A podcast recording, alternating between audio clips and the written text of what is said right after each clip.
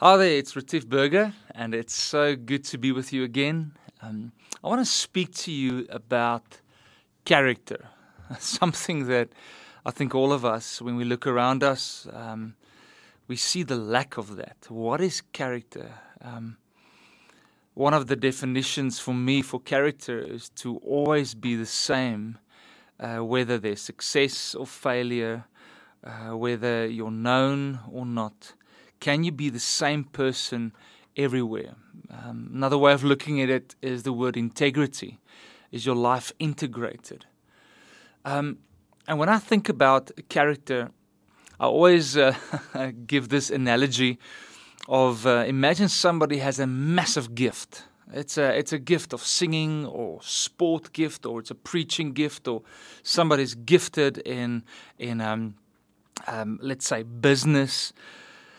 And this gift is like a massive cannon, like a, like a huge weapon. And if you take that huge weapon, but you fire it, it off of a, a, a small wooden boat in the middle of the ocean, you put that cannon on this little rowboat, what will happen? Oh, man, you will blow the, the rowboat and the cannon to pieces. Now, let's say, for instance, that rowboat is your character. That is what we see in so many people's lives. That's what we see in the business world. We see it in families. We see it in churches. Oh, and how do we see it in Hollywood? People with these amazing gifts, these weapons of, let's say, mass destruction. They can do so much amazing things with their gift, but there's no character, or there's a lack of character. So, character, according to Scripture, is such an important part of our lives. Um, if I close my eyes and I think about people that really have character, there's a there's one name that pops up, and that is um, the late Reverend uh, Billy Graham.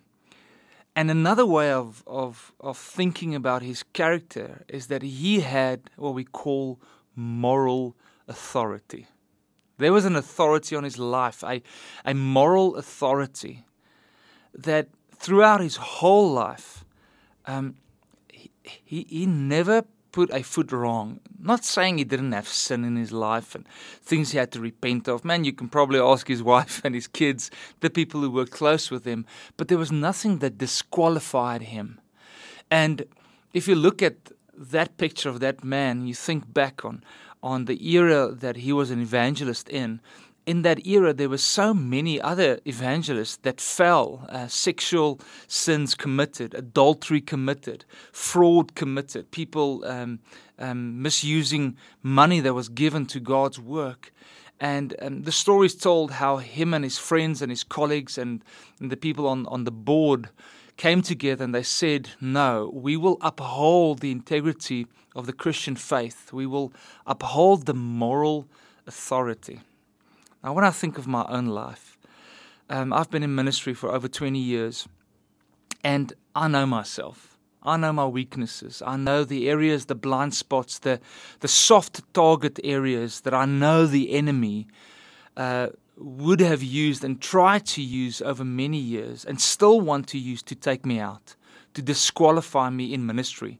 But it might be for you as a dad, as a, um, as a wife, as a parent, as a business owner. Moral authority in our society is not something that is upheld as something to be um, attained because corruption is all around us. It's that, hey, everybody's doing it, so let me also just do it. But in God's kingdom, and when He speaks about a moral authority, um, it is such a high, high standard.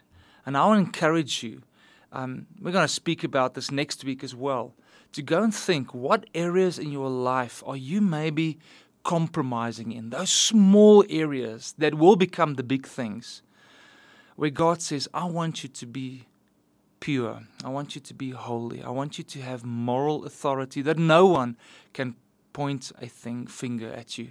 You see, moral authority, in the words of Andy Stanley, is, is the credibility you earn when you walk the talk. There's no discrepancy between your professional and your private life.